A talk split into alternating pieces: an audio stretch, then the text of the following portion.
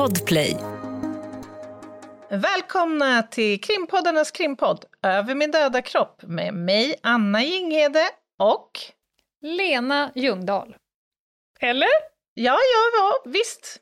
Där smög hon in lite galant.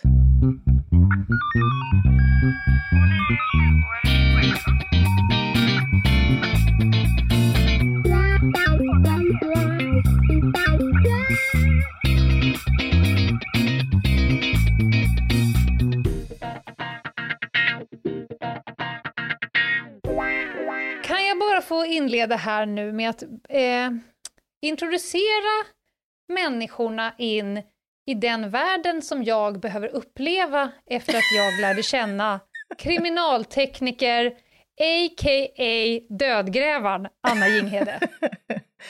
Ja, menar du att det var en ny värld för dig som du klev in i? Ja, men det får man väl ändå lov att säga? Ja, du kanske inte har varit i kontakt i alla de här delarna så nära förstås tidigare. Nej. Och nära är ju i det här fallet inte en sanning med modifikation, utan det är nära. Jag eh, översåg ju när du satt och jobbade med en ny eh, presentation, Mm. swisher förbi en bild som var liksom tagen ur, om du tänker de äckligaste av de äckligaste filmerna, och jag sa stopp, stopp, stopp, stopp, vad var det där jag såg? Du bara jaha, nej men den här mannen, han, och sen började du beskriva någonting. Kan du inte beskriva, Ja. försöka visualisera det här för tittarna vad det var jag får genomlida? Alltså det kanske är att jag är helt normaliserad i det här med döden, men alltså jag snickrar en presentation som ska lära ut rättsodontologiska principer. Och då är det ju liksom omöjligt att inte naturligtvis avidentifiera, det här är ju inga kroppar som någon kan överhuvudtaget känna igen. Men jag tror att du... Nej, Nej. Det, kan, det kan vi vara på det säkra med. Jag tror att, att eh, bilden du syftar på är den här mannen som, eh, det är en mansperson som alltså anträffas på botten av en sjö ett Mm. antal månader efter sitt försvinnande. Mm. Och tänderna ser ju tipptopp ut, otroligt fina. Men det som är lite intressant är ju då att omgivn, alltså mjukdelarna i ansiktet är, det är väldigt mycket likvax. Och ögonhålorna är ju borta, för där har ju djuren kommit åt. Ja, ska du ta och beskriva likvax för de som inte har hört det avsnittet? Ja, men det är ju en form av omvandling som kan ske under vissa betingelser, och ofta på sjölik. Mm. Ja, men det som händer när man dör till sjöss, det är ju att, liksom, och, och även på land, det är ju att djur, olika typer av djur kommer ju börja liksom kalasa på kroppen Mm. helt enkelt. Det är inte alls ovanligt och det kan vara allt från väldigt små djur, och, alltså insekter, upp till rov, större rovdjur. Mm. Eh, och även i vatten så kommer ju olika typer av fiskar och sådär och käka på kroppen. Så att, men det går ju bara där det inte finns kläder, så att säga. Exakt. Mm. Men nu känner jag då som eh, personen som kanske är lite mer normal än vad du är, Mm. att jag utfärdar en liten, jag hissar upp en liten eh, äckelflagg för avsnittet som komma skall. För vad ska vi ägna hela veckans eh, torsdags, torsdagsavsnitt till? Ja, men det är ju det här temat vi ska ägna oss åt. Alltså, hur jobbar man som dels kriminaltekniker när man kommer till en plats där en person har anträffats avliden och där man eh, eventuellt kan misstänka brott eller det finns eh, omständigheter som gör att man i alla fall måste utesluta brottslig gärning. Till vad som händer i liksom, obduktionsmiljön. Vi ska prata lite grann om de dödas vittnen, kallar jag dem.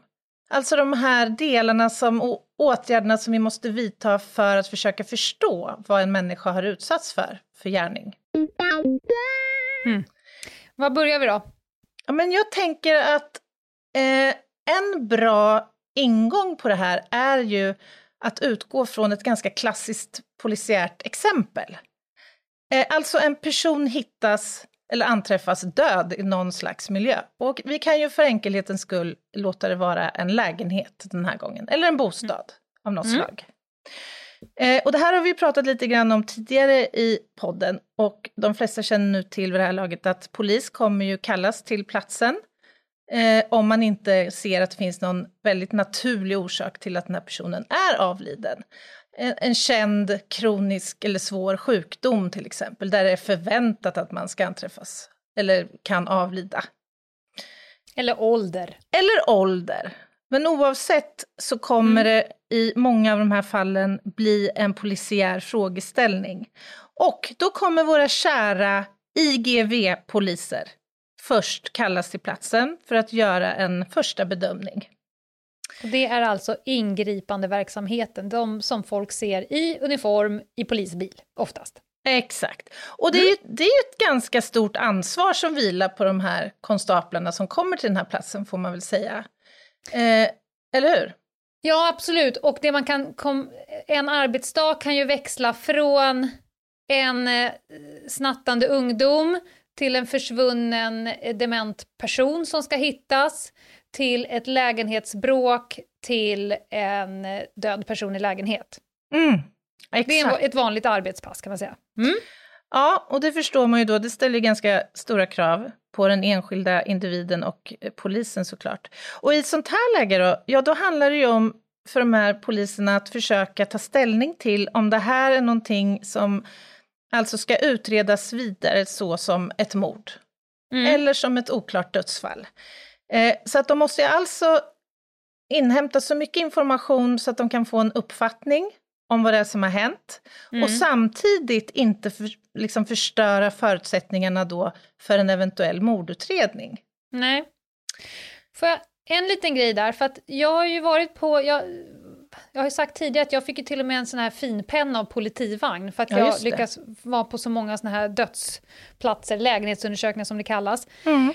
Eh, jag ska säga, även om det inte görs en bedömning att det är något eventuellt brott som har begåtts, så kommer IGV-patrullen ändå att samla in en shitload av information. Mm. För det är inte helt ovanligt att det i efterhand, trots att allt såg naturligt ut, i efterhand kanske vid obduktionen visar sig vara något fishy. Och Exakt. då är ju den eventuella brottsplatsen ommålad och så bor det en ny familj mm. där i. Så man har, det är ett försök man har, även om inte kriminalteknik kom på plats, så att IGV-personerna får tänka lite eh, kriminaltekniskt, även om det inte ska mest troligt den vägen vandra. Mm, good mm. point. Mm. Man brukar säga att var tionde fall, ungefär 10 procent av morden upptäcks först vid obduktion. Yep. Så att det här är ju superviktigt. Um, och det är ju då ett antal åtgärder som vidtas där. Du sa inhämta information. Ja, det kan ju vara allt ifrån att knacka dörr, prata med en hyresvärd, en granne, eh, eventuellt en, ett vittne som har anträffat den här personen, mm. eller egentligen vem som helst som kan bidra med information om vederbörande. Ja. Fota post, fota eh, såna enkla saker som man fick lära sig, öppna kylskåpet, fota datum, för det kan säga en del om Åtminstone kan det utesluta vissa eh, händelseförlopp om man kan eh, datumbestämma vissa saker mm. i bostaden. Mm. Absolut, post är ju jättebra. Det kan vara almanackor eller mm. allt som kan generera någon slags alltså en datummärkning på ett mjölkpaket eller vad ja. som helst som kan ge mm. information mm. om när personen senast var vid liv.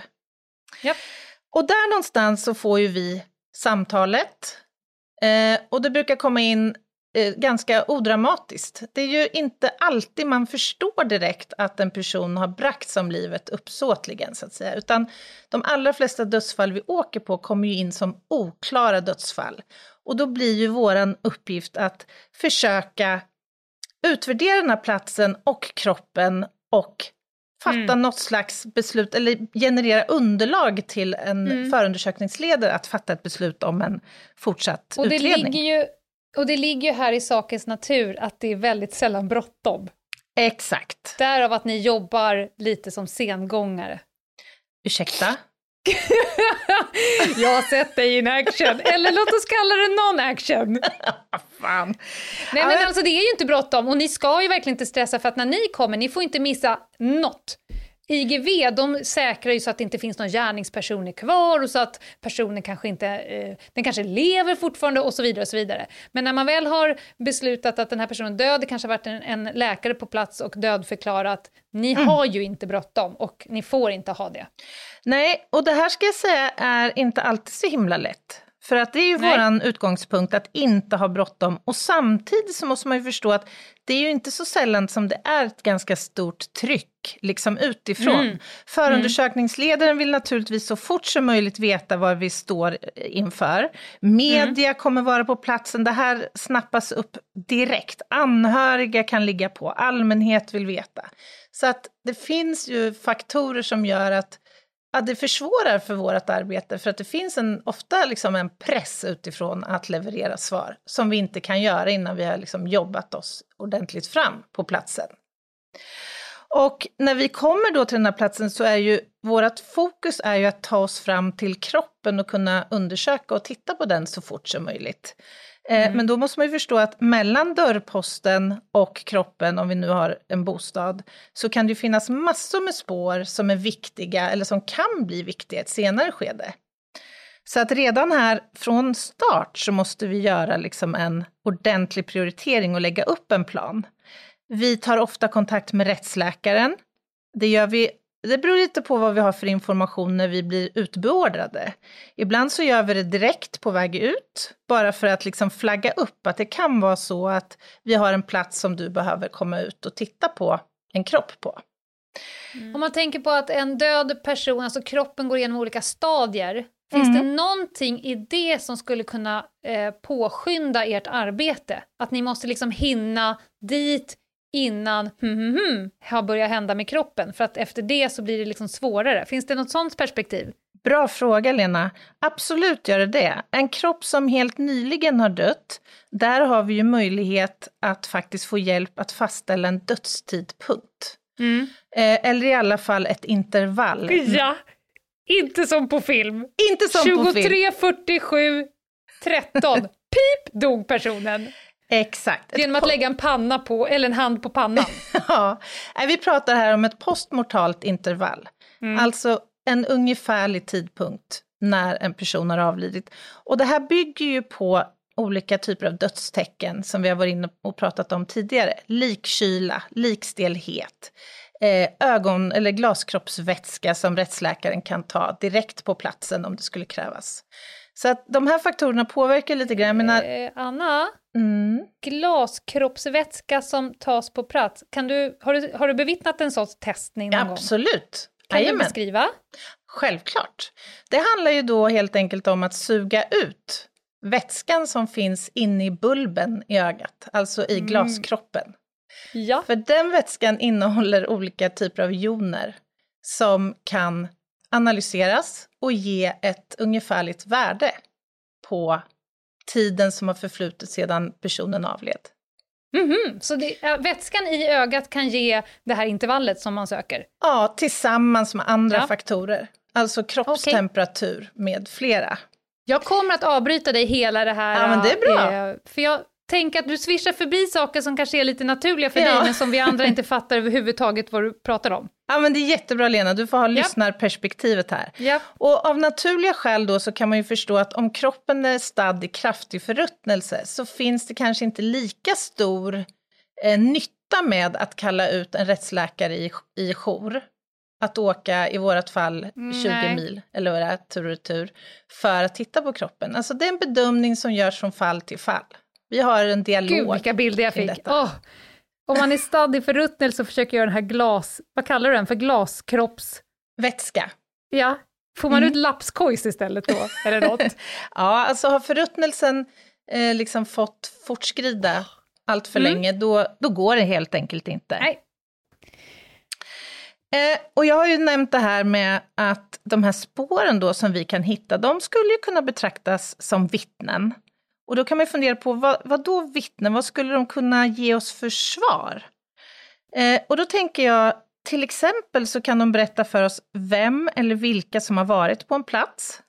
Mm. Och då kan man ju tänka sig dels fullt liksom bindande bevis. Alltså i bästa fall, fall kanske det finns blod på den här kroppen som inte är ifrån personen som har avlidit. Man kan tänka sig att det har varit eh, strid innan och en gärningsman också har fått skador av något slag. Eh, det kan vara så att eh, i kroppens, eller på kroppens ena hand så finns det hår från en misstänkt förövare, Mm. som ju direkt kan bindas till en person. Och sen finns det ju såklart spår som kanske inte är så direkt konkluderande.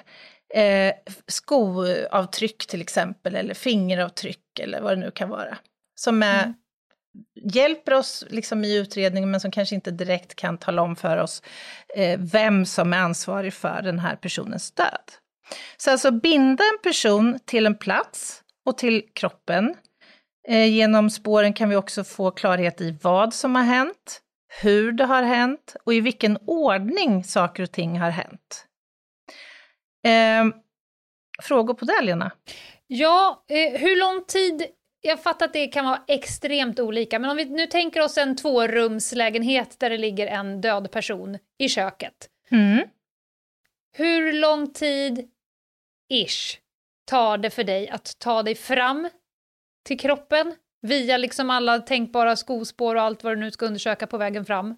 Vad pratar vi? Är det en, ett dagsjobb eller är det en, en timme? Eh, det beror på. Alltså, Ja. för det första så kan det ju vara så att det är, låt säga att det är heltäckningsmatta från dörrposten och fram till vardagsrummet där vi från dörrposten kan skönja den avlidnes kropp. Ja, då kommer vi kunna bestämma oss för att okej, vi går längs väggen här, men bara på den här sidan och tar oss fram till kroppen. Och det, alltså det beslutet föregås ju då av ett resonemang av typen, kan vi släppa den här delen av mattan? Eh, på be, alltså, kan vi Till en släppa dem? acceptabel risk blir det ju det ni gör. Exakt, det är ett medvetet avsteg liksom Ja. från en hundraprocentig spårsäkring. Vi, vi förstår ju att det finns spår på den platsen, men vi bedömer att de inte kommer hjälpa oss i att besvara de här frågorna helt enkelt. Mm.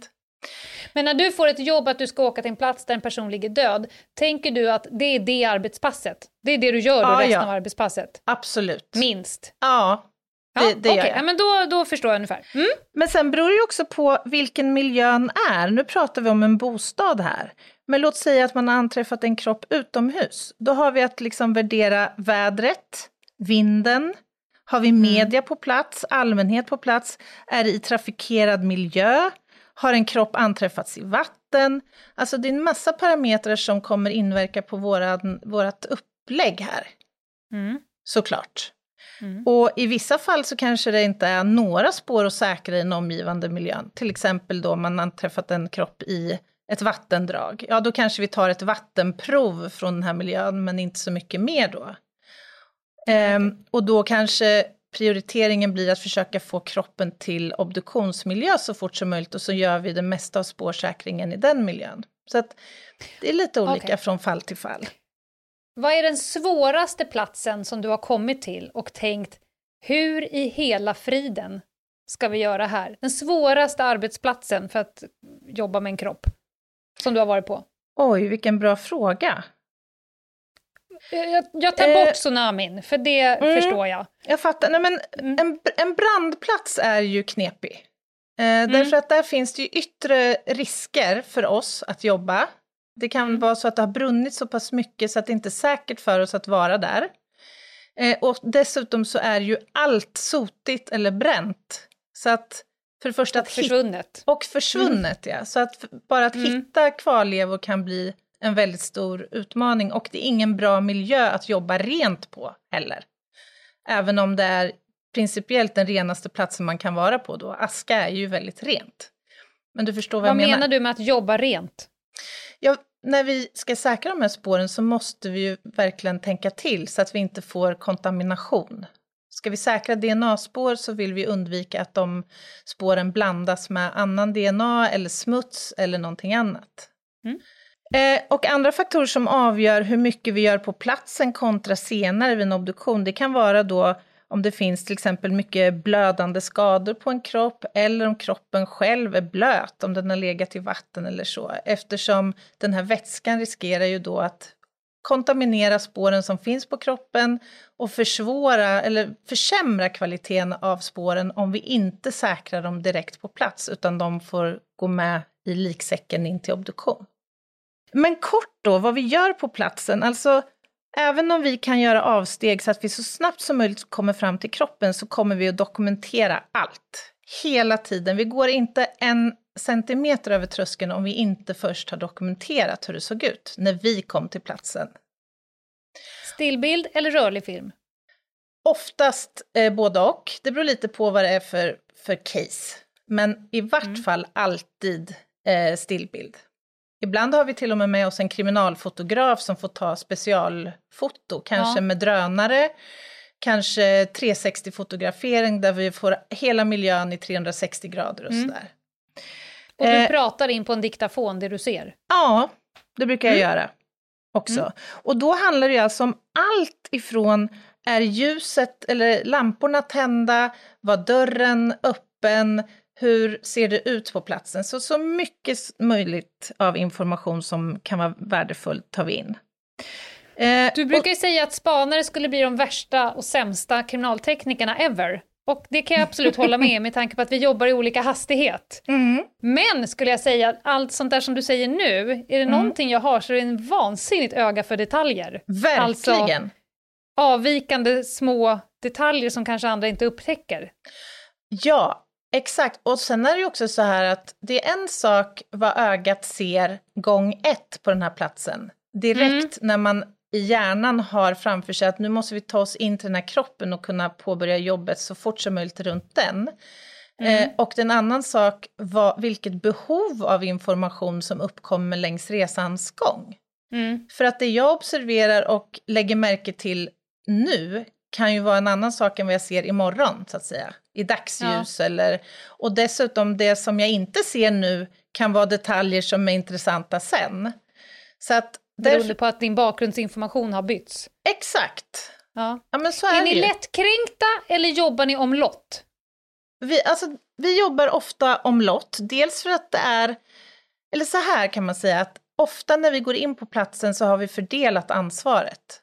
Så då mm. kan det vara så här att, okej, okay, kan du fota utvändigt så mycket mm. som möjligt så börjar jag i hallen. Eller om du fotar så tar jag oss fram en bra väg med utrustning. Ja, ja. Alltså att vi okay. har en tydlig arbetsfördelning helt enkelt.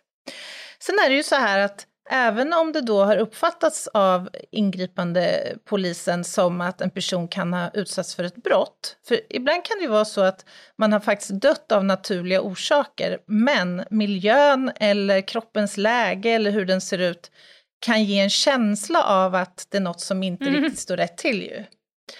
Jag eh. beskrev ju en sån situation, hon som hade dött av störtblödning och det såg ja. ut som att det var någon som hade blivit slaktad där inne, men det var fullt naturligt alltihop. Ja. Men det vet ja, man inte precis. i början. Nej, men man gör ju inte det och därför så blir ju en viktig frågeställning här om det finns några tecken i miljön som kan förklara eh, dödsfallet naturligt. Mm. Så vi kommer naturligtvis också leta efter läkemedel. Finns det sjukdoms, liksom tecken på sjuklighet här? Är det någon som har mått dåligt innan döden, kräkts eller vad vet jag, varit ris i kistan, gjort på sig sängen, varit sängliggande en lång tid innan det här händer. Eh, hur, hur har livsföringen i övrigt sett ut? Vad finns det i kylskåpet? Alltså mm. vi försöker att skaffa oss en bild av den här personens liv före mm. döden, så att säga. Eh, och ledtrådar då som du var inne på som kan förklara dödstidpunkten, det här som du var inne på med posten och mjölkpaketet och allt möjligt. Det är inte bara en gång man har tänkt, eller det här kanske gör mig till sjuk, men ibland har jag tänkt när jag tittar på mitt hem, så jag tänkt så här, tänk om jag skulle dö nu och Anna Jinghede skulle komma in i mitt hem och bara göra en liten eposé av min livsföring.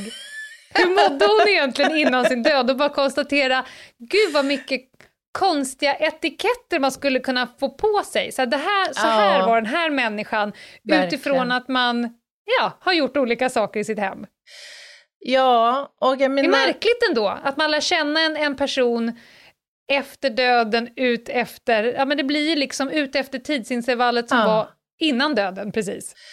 Verkligen, och ibland kan man ju få känslan av när man kommer hem så här i någons eh, livsmiljö, och särskilt om det är en människa som har levt ganska isolerat, mm. att man kan ha haft ett jobb som man sköter väl, det kan ligga liksom lönespecifikationer och deklarationshandlingar och allt vad det nu var, är snyggt mm. liksom ordnat. Men samtidigt så kan man utläsa att det här är en person som har mått väldigt dåligt, kanske har haft ett beroende, ett alkoholberoende till exempel. Alltså att vi, vi får ju en inblick i människors liv på det sättet som många av den här människans anhöriga ofta inte ens har. Eh, så det kan, nog, det kan nog vara ganska jobbigt som anhörig när något sånt här händer. För att man får ofta mer information om en väldigt närstående som man inte hade en aning om. Mm. Absolut. Eh, en viktig eh, tanke som också kommer upp i tidigt skede av en sån här utredning, det är ju okej, okay, om den här personen har utsatts för brott som har lett fram till den här personens död, är det här mm. då en brottsplats eller är det en fyndplats? Eller är det både och? Ja, just det. Alltså om personen är flyttad eller om den dog där. Ja, mm. exakt. Mm. Och sen måste vi också tänka så här, okej, okay, kan det vara så att när personen har dött, har den dött i sin ensamhet? Eller finns det tecken på att andra personer har varit på den här platsen i närtid till händelsen? Och då blir ju faktorer som, finns det tecken på inbrytning i miljön? Är det skador mm. på något fönster eller några dörrar? Stod dörren öppen när kroppen anträffades? Ser vi skospår eh, i blod till exempel som lämnar mm. den här mm. lägenheten eller bostaden? Där har jag ju en, en händelse där vi såg kroppen och konstaterade att du har varit död ett tag. Mm. Apropå stadd i förruttnelse. Men så kunde vi också utröna att posten som låg på dörrmattan, eh, reklambladet gällde en viss vecka och en viss dag mm -hmm. och mhm. ovanpå reklambladet så fanns det skospår, leriga ja, skospår. Och då var det ju helt plötsligt skevt. Alltså man skulle kunna tänka sig att det här var naturligt tills jag såg det där skospåret och kände så här, eller? Alltså mm. någon har ju varit här, Precis. troligen efter. Och då kan man ju också fundera på, är det här relevant för den här händelsen eller är det rent utav en kollega till mig som har gått Exakt. över det här reklambladet? Mm. Ja. Um, och då kanske vän av ordning funderar så här, men gud, det är ju inte alls säkert att de här spåren kommer ha någon som helst betydelse för att förklara vad den här individen har avlidit av. Och det är ju helt riktigt. Eh, även om vi tänker att det här kan förklara eller binda en person till själva brottet så är det ju lika viktigt att kunna eventuellt exkludera människor från mm. att ha del i dödsfallet. Så att vi måste liksom ta höjd för alla tänkbara liksom scenarior. Ofta så vet vi egentligen ingenting när vi kommer till den här platsen, mer än att den här personen har inte varit avhörd på länge eh, och ja, ni får försöka göra en första preliminär bedömning om personen utsatts för brott. Eh, till, till andra scenarier där det är helt uppenbart att personen utsatts för brott. Så det är liksom allt däremellan kan man säga. Får man fråga så här ett par veckor in i sjukskrivningen, Anna, saknar du ditt jobb? Ja, oh, varje dag. Du ser lite rosig ut på kinderna när du pratar om det här. Du får ungefär samma ton och samma eh, liksom, engagemang som jag tror att jag själv får när jag oh. pratar om spaning. Ja, jag ser det på dig, du älskar ju det här. Ja, men alltså det är någonting, det är någonting med de här spåren alltså, att få leta ja. efter dem och hitta dem och kunna hjälpa till i en väldigt svår situation för anhöriga, till exempel. Mm. Det är tillfredsställande. Mm. Eh, och sen beror det då på, har vi en rättsläkare med så blir dens fokus att försöka då inhämta fakta för att kunna sen uttala sig om en dödstidpunkt bland annat. Men har vi inte det, då kommer jag också kolla vad det är för omgivningstemperatur på den här platsen. För det är en information då som blir viktig för rättsläkaren i ett senare skede. Eh, ja, lite sådana här miljöfaktorer helt enkelt. Ja. Sen är vi då framme, nu låtsas vi att vi har jobbat oss fram till kroppen här. Mm. Eh, prio ett här nu då blir att försöka beskriva och dokumentera kroppens status kan vi säga. Mm. Och då är vi inne på det här med likfenomen igen. Alltså hur stel är kroppen? Alltså, ofta kan man ju avgöra ganska snabbt, har kroppen legat i en timma eller en vecka? Ja. Och är det en eh, nyligen inträffad död, ja då kommer vi ju försöka eh, bedöma hur pass långt framskriden likkylan har kommit och likstillheten och om det finns eh, likfläckar på kroppen. Eh, men det är också så att det kan finnas skador på kroppen som vi vill veta och känna till redan från början för att få en uppfattning om ett dödssätt, alltså om man har mördats eh, eller tagit livet av sig eller vad det nu kan vara. Eh, men också hur det har skett, hur döden har inträffat. Är det genom ett skarpt våld, har man skjutits eller skjutit sig själv? Eller är det någonting helt annat? Så ja, det jag brukar göra, det är ju om, om det inte liksom snabbt står klart vad den här personen har avlidit av. Jag brukar känna igenom skelettet, armar och ben, skallen. Finns det frakturer någonstans eh, som kan förklara? Det, kan mm. man tänka sig en fall, fallolycka till exempel? Eh, och man, man gör en ganska grundlig liksom, inspektion då av allt från liksom, topp till tå utifrån den kunskap som vi har som kriminaltekniker. Mm. Och när vi gör det, då måste vi också tänka så här, finns det kläder på den här kroppen?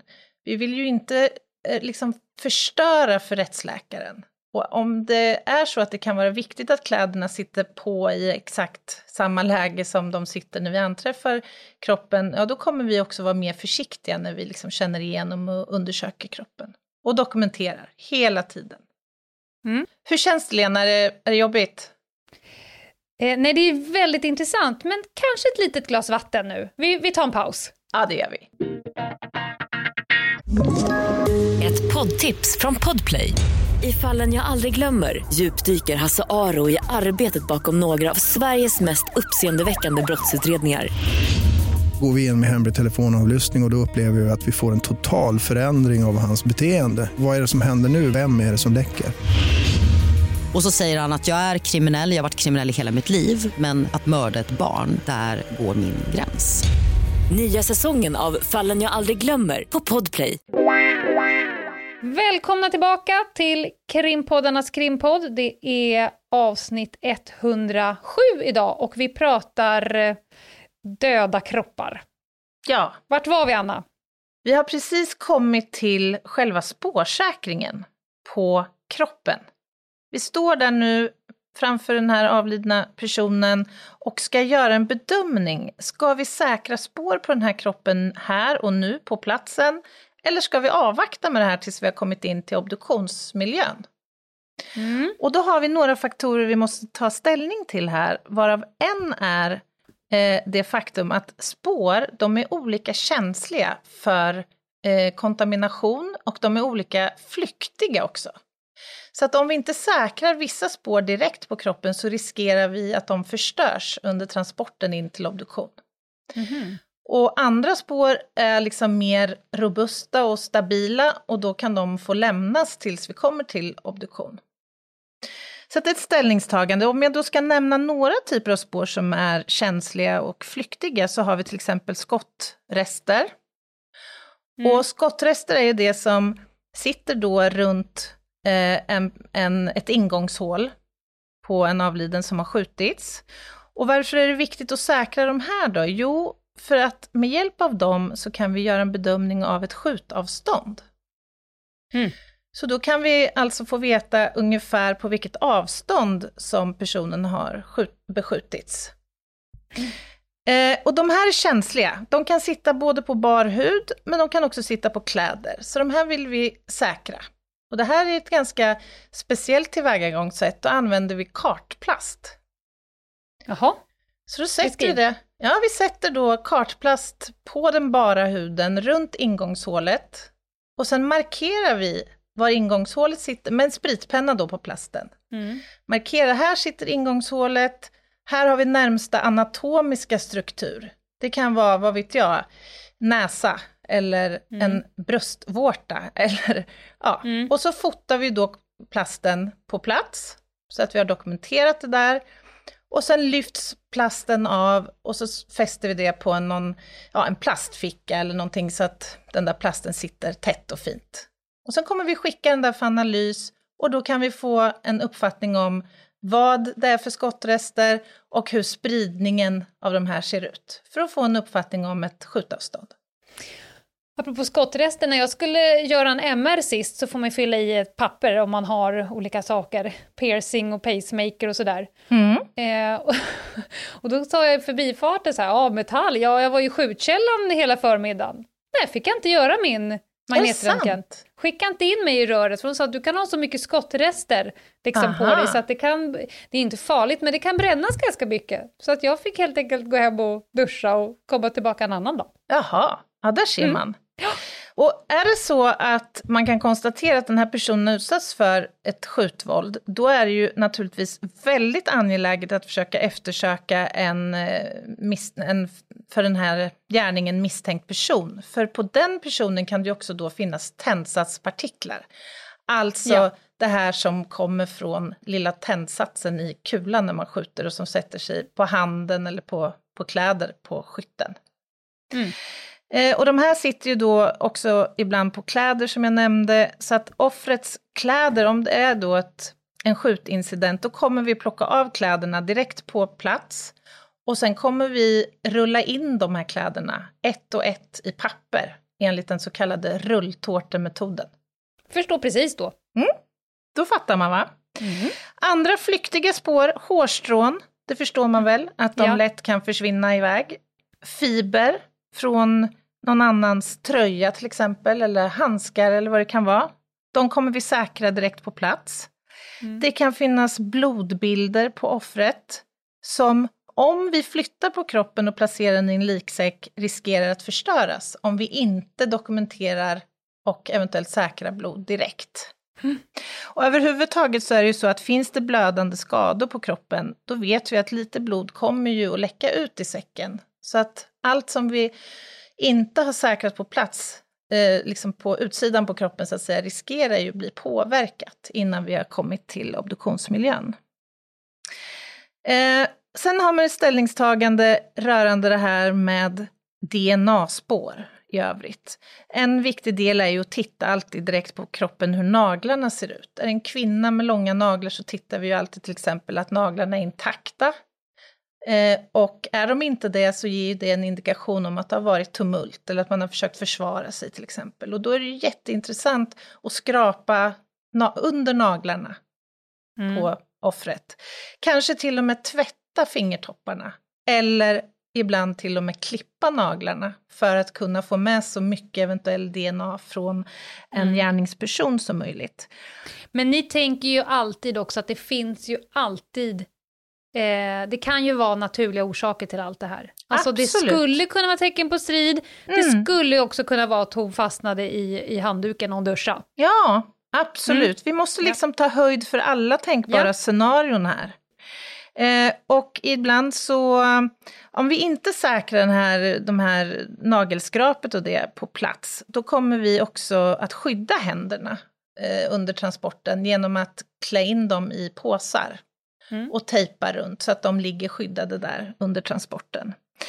Eh, en annan typ av spår som såklart är flyktig, det kan vara om vi misstänker att en person har bragts om livet genom strypning till exempel, så kan det ju sitta DNA-spår runt halsen på den personen.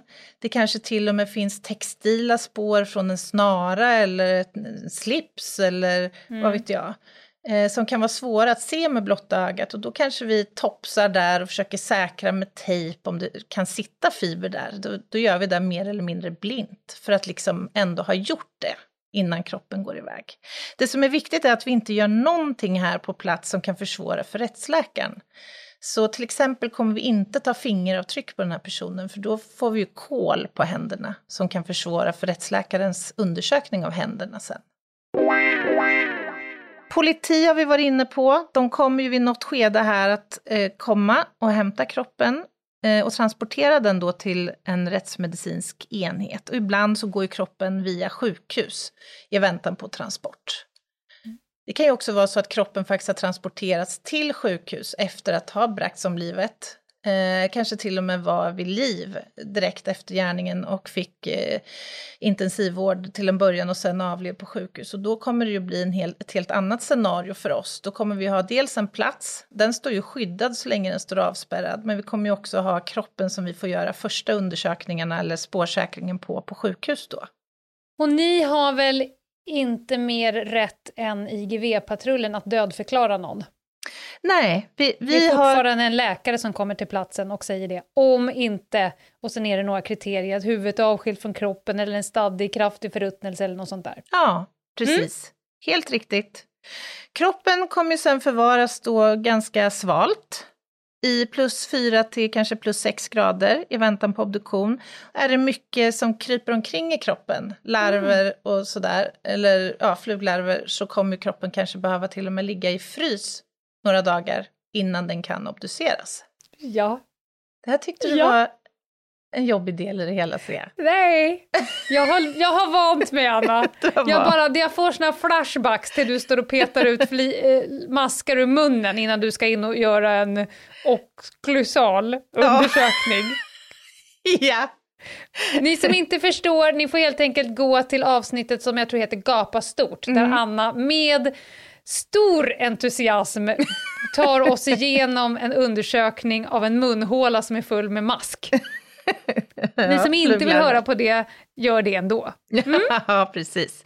Nej men alltså, varför säger jag det här? Jo, men för att man ska förstå att förutsättningarna och liksom utgångspunkterna kan ju se så himla olika ut. Mm. Vi kan ju mötas av alla tänkbara olika scenarion här ju. Eh, och nu har vi pratat om obduktion, vad är då det? Jo men det är en rättsmedicinsk undersökning och det finns lite olika nivåer här som jag tänker att vi behöver inte fördjupa oss i det. Eh, utan vi utgår från nu att det här är en utvidgad, en så kallad utvidgad obduktion som ska göra med anledning av misstanke om mord, eller bekräftat mord. Mm. Eh, och här kommer ju våra älskade rättsläkare in i bilden de är ju grymma på att utläsa saker av eh, en död människa. Får jag bara för, förtydliga här, för att kriminaltekniker genomför ju ej obduktioner, Nej. men vi har ju i podden kunnat höra dig i obduktionsmiljöer och beskriver det här och det är ju för att du har ju ett ben i rättsodontologin. Mm. Så du genomför ju faktiskt obduktioner en när det ska till ja. att mm. identifiera folk till exempel via munhålan. Mm. Mm. Alltså obduktionsinsatser begränsat till munhålan kan man säga. Ja. Men ja. i övrigt så, dina kriminalteknikerkompisar, de är inte in och gräver i någon död kropp? Nej, det är de inte. Nej. Det är de inte, det är helt riktigt. Och rättsläkarens primär, eh, primära uppgift här då, det är ju att försöka hitta dels en dödsorsak och dels ett dödssätt. Alltså var det här uppsåtligt våld, alltså mord, eller var det självmord, eller rent av olycksfall. Mm. Och dödsorsaken eh, kommer man ju kunna klargöra genom att obducera då kroppen. Och det här är ju då en del av en större dödsfallsutredning, den som rättsläkaren gör, eh, ibland tillsammans med oss. Och vilka är de här klassiska situationerna då? Jo, vi har varit inne lite grann på det, men det kan ju vara att det är uppenbart brott som ligger bakom dödsfallet. Det kan också vara att kroppen är stadd i kraftig förruttnelse. Då ska kroppen obduceras i syfte att eh, identifiera den avlidna också. Ja. Eh, självmord, olika typer av olyckor, misstanke om missbruk eller fall av oväntad död där det inte finns någon känd sjukdomshistoria. En sak bara, eh, ibland tänker ju folk kanske att det här med identifieringsarbetet är lite overkill om man hittar liksom en person hemma i sin lägenhet. Så det finns väldigt mycket runt omkring som talar för det. Mm. Men eh, vi ger oss ju icke där, utan kroppen skall ju identifieras. Ja, det ska den och det beror ju helt enkelt på att man kan ju aldrig till 100% utesluta mm. att kroppen har bytts ut eller att det helt enkelt är någon annan än mm. lägenhetsinnehavaren som Den ligger där. Den är på fel plats helt ja, ja, precis. Och när kriminalteknikern åker iväg för att delta i obduktionen och göra de här övriga typerna av spårsäkring som vi inte har kunnat gjort på plats, så är ju vi liksom i rättsläkarens domäner. Så att vi lägger upp en plan och eh, lyssnar snällt på rättsläkaren och när hon eller han tycker att nu kan ni få göra er del på kroppen. Eh, men det här sker ju i samverkan naturligtvis, så vi är med från start till mål kan man säga med undersökningen på kroppen. Eh, och innan kroppen ligger redo för att obduceras så har också hänt några saker innan. Kroppen har ju då mm. kommit till bårhuset, legat kylt tills det är dags för obduktion. Och då kommer den att vägas och mätas först. Och sen kommer eh, rättsläkaren börja med att göra en yttre undersökning. Och då tittar eh, rättsläkaren på hela kroppens eh, utsida, så att säga, efter ja, sår, skador, ärr, eh, hårlängden beskrivs, hårfärgen, ögonfärgen, finns det likfläckar på kroppen, eh, finns det snö, en snörfåra runt halsen till exempel. Allt det här som kan bringa klarhet i vad som har hänt kroppen beskrivs helt enkelt. Beskriva platsen lite så att folk får Dit kommer man ju när man går på polisutbildningen och jag som varit lärare där, man tar med sig klassen dit. Och det är en ganska steril miljö. Mm. Det, det är mycket kakel. Eh, det är mycket rostfritt, britsar och... Det är mycket tvättbara ytor om jag ja, säger man så. kan tänka, det som inte går att jobba över med en högtryckstvätt finns inte där. Så kan man tänka. kan man tänka. Och sen är det mycket rostfritt och sen är det liksom kylskåp i britsformat. Mm. Som rutsystem med dörrar med handtag på, där det ofta sitter en liten lapp utanpå. Mm. Vem det är, eller Jane Doe. Och sen drar man ut brits och det kan komma ut allt från en ganska hel och fin kropp, så det ser ut som någon som sover. Det kan också komma ut ett jävla sörj. Det kan komma ut typ en Ja men det mm, gör ju ja. det. Ja, ja. Det kan också komma ut, jag minns en där det egentligen bara var en, en påse, alltså ett uppskrap ja. från någon eh, trafikolycka eller tåghoppning eller vad det nu är. Jag bara konstaterar att du beskriver en klinisk eh, kontext på ett väldigt okliniskt sätt. Ja, men ganska visuellt tydligt tror jag. Ja, det tycker jag. Verkligen, ja. verkligen. Mm. När rättsläkaren har gjort den här yttre undersökningen, vi är också med där och flaggar rättsläkaren för något fynd som verkar intressant för våran del, alltså förklara då vad det är som har orsakat personens död när det rör den brottsliga delen så kommer vi också göra en fördjupad undersökning där och dokumentera ordentligt på vårat sätt mm. så att vi är nöjda och så vidare. Men i något skede här så kommer rättsläkaren säga till sin assistent att du kan öppna och ta ut. Och det innebär ja. då att kroppen kommer nu att öppnas, man kommer lägga ett eh, långt snitt, ibland ett så kallat kragsnitt, eh, så att man ja, helt enkelt öppnar upp från halsen och ner eh, över buken för att kunna ta ut då de inre organen. Eh, och sen kommer då organen att vägas. Ett Pratar vi ett. såga upp sternum? Ja. Mm, det måste det ju vara ett jävla ljud där inne. Vinkelslip ja. typ. Det är ju, ja. alltså, kroppen består av ganska hårda saker mm. med hög motståndskraft. Det är skallbenet behöver sågas, eh, men mm. ofta kan man klippa upp eh, faktiskt när man öppnar upp för att plocka ut de inre organen. Okej. Okay. Mm. Eh, och det är ganska odramatiskt skulle jag säga. Eh, de är otroligt duktiga de här assistenterna på det här. Eh, men de plockar ut snyggt och prydligt, organ för organ, och organen kommer att vägas. Eh, rättsläkaren kommer sen börja undersöka de här organen och tittar då efter avvikelse på dem. Finns det skador? Eh, hur stora är de? Rättsläkaren kommer sen att skiva upp, göra fina, fina snitt, organ för organ, för att liksom titta, finns det orsaker här som kan förklara döden? Är det alltid och alla organ, eller gör man en bedömning över vad som man ska Nej, göra? Eller jag... går en obduktion till exakt likadant alltid? Ja, alltså obduktionerna följer en systematik kan man säga. Ja. Och när det mm. gäller de här utvidgade obduktionerna så sker ju, man lämnar liksom inga eventuella frågor obesvarade här, utan man Nej. går igenom varje organ väldigt, väldigt nogsamt. Och man kan ju då ta vävnadsprov från organ, från hjärtat till exempel, om man misstänker att det kan ha varit en hjärtinfarkt som har orsakat det här. Man tittar på alla fina strukturer för att se, finns det sjukdomstecken här? Och då mm. tänker ju vän av ordning så här, ja men det är väl klart, alla går väl omkring med olika typer av sjukdomstecken eller, ja, vad ska jag säga, avvikelser från det normala. Eh, och så är det ju. Det gör vi ju i mer mm. eller mindre omfattning. Men frågan blir ju då för rättsläkaren, kan det här ha förklarat döden? Ja, eller mm. inte? Eh, och hjärnan är inget undantag. Man sågar alltså upp skallbenet och undersöker hjärnan och skivar den på motsvarande sätt. Och ibland, eller man tar också vävnadsprov så man kan ja. titta på cellnivå på detta. Ja. Nu hamnade, jag hamnade på Hannibal Lecter-nivå. Eh, jag förstår. Ja. ja men det är, alltså Anna, du måste förstå att det är ganska makabert. Att liksom såga upp eh, skallbenet, plocka ut hjärnan och skiva upp den.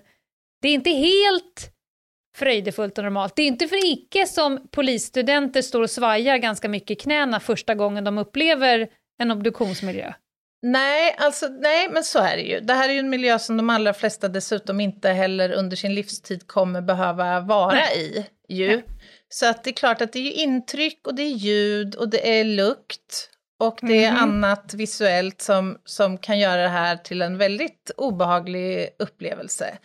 Men jag, jag, tror som sagt, om man ägnar sig åt verksamheten så blir det ju här ju en normal vardag, trots allt. Såklart. Såklart. Och, Assistenterna står ju inte och, och eh, jobbar med sina allra inre demoner och processer varje dag på jobbet. Det Nej, jag. absolut inte. Och det är dessutom, tycker jag, en av de mest, om inte den mest intressanta medicinska inriktningen. Alltså är man dessutom anatomiskt nördig som, som jag själv mm. och så, så är, det är väldigt intressant att se hur vi skapta, faktiskt. Ja, absolut. Eh, man kommer ta kroppsvätskor för att kunna göra toxiska analyser, till exempel eh, droganalyser då. Urin eh, och blod, som man samlar då ofta från lårvenen om det finns.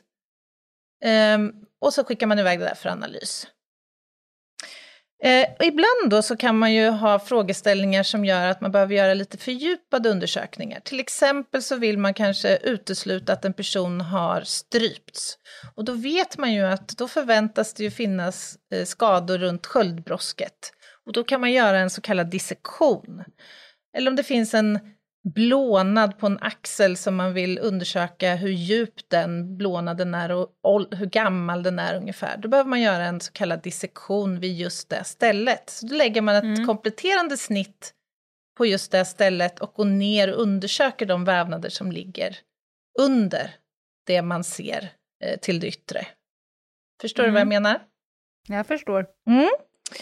Eh, när man tycker att, när rättsläkaren är nöjd då med att uh, ha tittat på de här organen, uh, öppnat och tömt ut magsäcken. Magsäcksinnehåll är naturligtvis alltid intressant, för det kan ju mm. ge en fingervisning om dels om personen har avlidit i nära anslutning till intag av kanske medicin eller en måltid eller till och med till följd av förgiftning eller sådär, så, så är magsäcksinnehållet intressant. Men det här brukar vara den stora jobbiga delen för en ovan person som medverkar vid obduktion. För att det luktar ju ganska obehagligt och det kan se ganska, eh, ja, det blir inte supertrevligt egentligen att se Nej. någon annans maginnehåll helt enkelt. Nej. eh, organen läggs tillbaka, kroppen sys ihop och rengörs. Och där någonstans så kan ju också snart anhöriga kanske få se kroppen om man nu är intresserad av det. Mm. Eh, rättsläkaren kommer ju då eh, också skriva ett eh, utlåtande över sina fynd. Under tiden nu då som eh, rättsläkaren har jobbat på och rättsmedicinska assistenten har jobbat på så har ju vi funnits med här i miljön och vi kommer ju in då i lite olika faser under det här förloppet och gör kompletterande spårsäkringsinsatser. Våra frågeställningar är, som är intressanta för utredningen kan ju vara Till exempel, hur många slag har en person utsatts för? Vilken skada kom först kontra sist? Vilket läge har kroppen varit i vid eh, överfallet till exempel? Vilken riktning har en kniv haft genom en muskel? Eh, och, och de här frågorna diskuterar vi då med rättsläkaren. Vi kanske ber rättsläkaren att sondera en eh, skott eh, eller en kulbanekanal eller en eh, knivskada för att få en uppfattning om en riktning för gärningspersonens liksom, attack. Då. Eh, mm. Har kroppen förflyttats efter döden? Finns det andra faktorer här, sjukdomsrelaterade, som kan ha bidragit till döden? Eh, hur länge kan man tänka sig att den här personen har kunnat agera efter att ha utsatts för det här knivhugget mot hjärtat? Och så vidare och så vidare. Eh, mm. Och när man kommer till den inre undersökningen så kan det vara så att det finns skador där som är intressanta för våran del. Till exempel om vi misstänker att en person har eh, utsatts för ett massivt trubbigt våld med en hammare till exempel. Ja, och sen så öppnar man upp och tittar hur skallbenets kontur ser ut och så ser man att där finns det skador. Då kan ju vi gjuta av den skadan till exempel för att få en uppfattning om vad det är för, för brotts, eh, alltså för tillhygge vi letar efter. Få mm. dimensioner mm. på det. Eh, det kan vara så att det till och med ibland faktiskt finns metallfragment från ett tillhygge som sitter i en sårskada eller i, runt en skada i skelettet som vi kan säkra och sen jämföra mot ett eventuellt tillhygge som vi hittar i ett senare skede. Men är, betyder det här att det alltid är en kriminaltekniker med vid alla obduktioner? Eh, inte alla.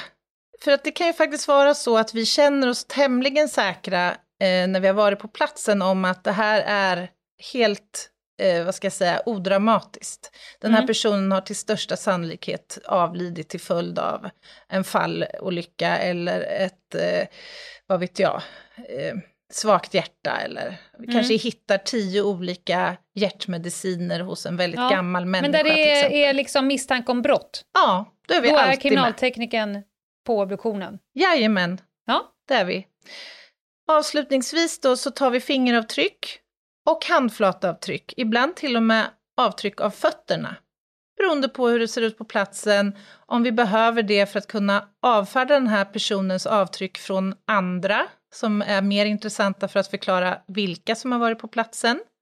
Det kan också vara för att identifiera personen om tänder inte är en bra idé, så att säga.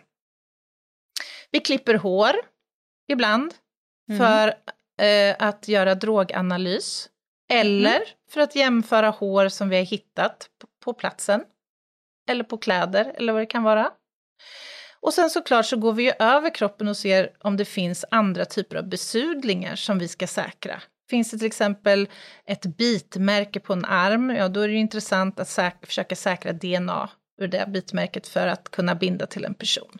Eller sperma om man misstänker sexualbrott, äh, sexualbrott och så vidare.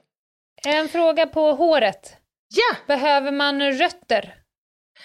Eh, inte om man ska göra en droganalys. Nej, rötter men behöver om du ska vi... göra Ja, om du ska eh, jämföra om det är samma person. Alltså det är ju jättebra om man har rötter och man ska göra en DNA-analys. Eh, mm. Men det är inte alltid hårstrå som vi hittar på offrets kläder till exempel har rötter och då får man göra en morfologisk analys. Alltså man tittar på utseendet på hårstrået, färgningen i hårstrået och jämför liksom visuellt förenklat sagt i mikroskop. Då får ni också tänka att folk har ju slingor, så det kan ju vara ja. olika färg. Ja, exakt. Ja. Det är bra ja, vad spännande. representativt urval. Ja, alltså jag har försökt att guida oss igenom från start till mål på väldigt kort tid hur det kan se ut när vi jobbar med personer som plötsligt och oväntat har anträffats avlidna. Det här är som sagt en eh, snabbversion av det här förloppet. Det finns ju naturligtvis många, många fler delar här som man skulle kunna utveckla och det kanske vi får återkomma till. Men låt oss säga att lita på att Anna Jinghede kommer återkomma till ämnet död. det kan vi väl med, med bravur och tyngd lova. Ja, det kan vi utlova. Absolut. Ja, nej, men det är jätteintressant. Jag har lärt mig jättemycket. Jag tycker också att eh, eh, ja, man har klarnat många frågor. Och ja, vi vet ju att det här är ett ämne som eh, både förbryllar och eh, äcklar, men också är lite spännande för de allra flesta. Mm. Eh, tack Anna, innan eh, jag kommer till eh, för vi kör en rövhatt den här veckan igen, men innan jag kommer dit så kanske du vill ha någon form av ruta, samhällsinformationsrutan. Ja. ja, men jag tycker vi bränner av det viktiga här, nämligen att kom in och häng med oss på Instagram, på Ljungdahl och Ginghede för er som inte, eller som kanske helt nyligen har hittat podden. Och har ni frågor och tankar kring det här avsnittet så går det bra att mejla oss på jing... Nej, på Ljungdahl och gmail.com. Och vi blir också väldigt glada om ni har lust att eh, lämna en liten recension i Podcaster-appen och såklart prenumerera på podden. Och kom jag på, det här sänds ju torsdag. Imorgon mina vänner, då släpps det en merch mm. som endast finnes i 24 timmar på podstore.se. Eh, så 24 timmar och sen aldrig mer. Och det är liksom ett unikt tryck då. Detta gör vi varje eh, löningsfredag, kan mm. man säga. En gång i månaden. Precis. Men nu tror jag, Anna, att det är dags för mig att eh, dela ut priset till eh, Lenas rövhatt. Ah. Lenas rövhatt. Då, då, är det så här att jag befinner mig ju då och då bakom kulisserna. Jag får helt enkelt stå och betrakta människor i, i, i eh, olika typer av miljöer. Och då mm. så, så har jag då hittat ett fenomen med människor som är, låt oss kalla det lite on top of things. De kan vara lite kändare eller lite rikare eller lite högre mm. upp i näringskedjan och sådana som vi vanligtvis, vanliga människor ser fladdra förbi i Instagramflödet eller i alla tv-kanaler och sådär. Ja, ja. Nu är det så att vissa av dem är ju rövhattar. Och hur vet Jaha. jag det? Ja, det här, nu är jag väldigt nyfiken. För då kan Berätta. jag då bli förstörd, för då sitter jag sen eh, med fredagsdrinken och eh, har precis poppat mina popcorn och så dyker upp en person som i rutan framstår som så härlig och trevlig och check och så vidare. Men då vet du, då har jag sett den här personen in action. Och jag ska beskriva en situation. Ah, ja. De far med osanning på bästa sändningstid. Då kan jag bevittna en situation där jag står lite i, kanske i det dolda och bara tittar på människor. Då är det så att människor som är då stora, måste ju vara väldigt snälla. Det var väl Bamse som eh, myntade det uttrycket? Ja, det, det är Bamse, ja. ja. Och kommer det in en person på ett ställe och tar av sig sin jacka och går fram till garderoben och slänger jackan typ i ansiktet på garderobspersonalen. Alltså, Nej men gud. du vet, ja. knappt titta på dem. Ja, men hela väsenet är, jag är så himla mycket mer värd än vad du är. Oh, för att jag ofta är på TV. Eller någonting annat. Oh. Ja, jag ser på det att du tycker precis som dem, som jag gör. Oh. Och det skevar ja, så i mig när, man liksom, när de publiceras och är utåt så jävla härliga. Och jag tänker, en människa som har förmågan, du till exempel skulle aldrig klara av det. Att gå in och kasta en jacka i ansiktet på någon, även om jag hade sagt att du måste. Så hade du ja, bara, alltså, förlåt, förlåt, förlåt, förlåt, förlåt. Ja. Alltså det här är ett riktigt jävla rövhattsbeteende. Exakt. Och då tänker jag så här, varför blir de rövhattar? Jo, för att jag ville gå fram till den här personen och säga att du hade förmodligen antingen flax i genpoolslotteriet, eller så har du flax i kontakter eller på något sätt. Förmodligen har du inte gjort så skitmycket för att förtjäna din position. Eller så hade du bara flax intelligenslotteriet. Jag skiter i vilket. Men du är fan inte mer värd än en annan människa. Nej. Och det här är så grundbultat i mig så att jag, jag känner ju att jag måste bromsa mig själv för att inte gå fram och bara göra ett litet bensvep i toakön. Men är, är, det vanligt det här då? Är inte de flesta kändisarna ändå eh, sympatiska, härliga människor? Eller är det så att det här stiger vissa åt huvudet på något sätt? Men att de anser sig liksom vara lite bättre än andra? Ja, Eller men kanske att det stiger lite åt huvudet. Men framförallt blir det så himla skevt när de har gjort en grej av Ja. Jag vet ju, jag säger, kommer jag garanterat inte säga något namn, men de har gjort en grej av att vara så jävla helylle och trevliga och på typ 12 kanaler samtidigt. Och så ser man hur Ja. en sån här person kommer in och bara så här, du vet, tittar inte på dörrvakterna, kastar jackan i huvudet på garderobspersonalen och bara går runt och är så jävla proppmätt på sig själv. Ja, Rövhatteri! Ja, det är rövhatteri. Jag, alltså jag har ju fått, jag ska, kommer inte heller namedroppa, men alltså vi har ju gjort lite tv du och jag tillsammans, och de har ju fått lite sån här inside liksom, Ja. inform, information. Ganska delikat information tycker jag i vissa avseenden. Ja. Och eh, jag vet bland annat en sån upplysning som rörde en, en ganska känd eh, artist, Ja. kan vi säga, Ja. eh, som framstår som oerhört sympatisk i rutan. Ja. Högst älskvärd. Ja. Och så kommer det då fram, vilket raserar hela ens bild av denna person. Då kommer det då alltså fram att hen är en riktig asshole Ja. bakom kamerorna.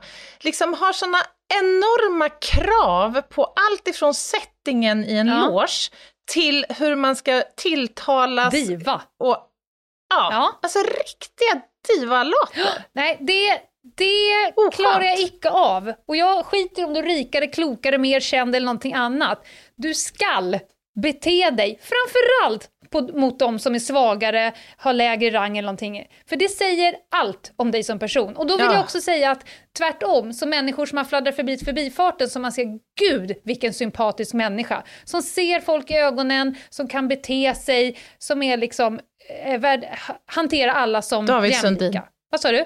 David Sundin.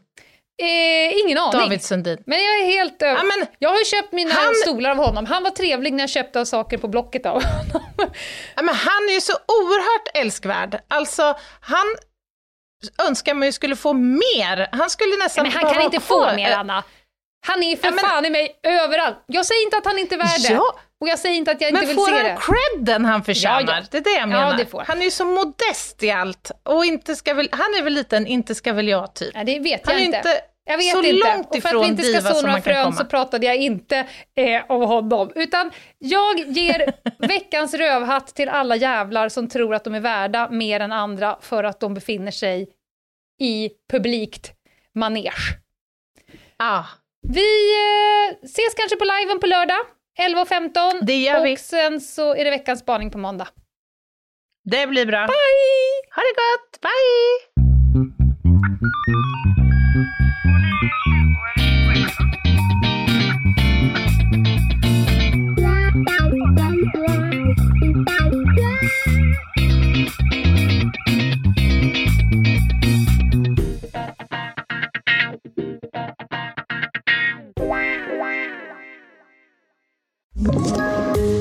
Poddtips från Podplay.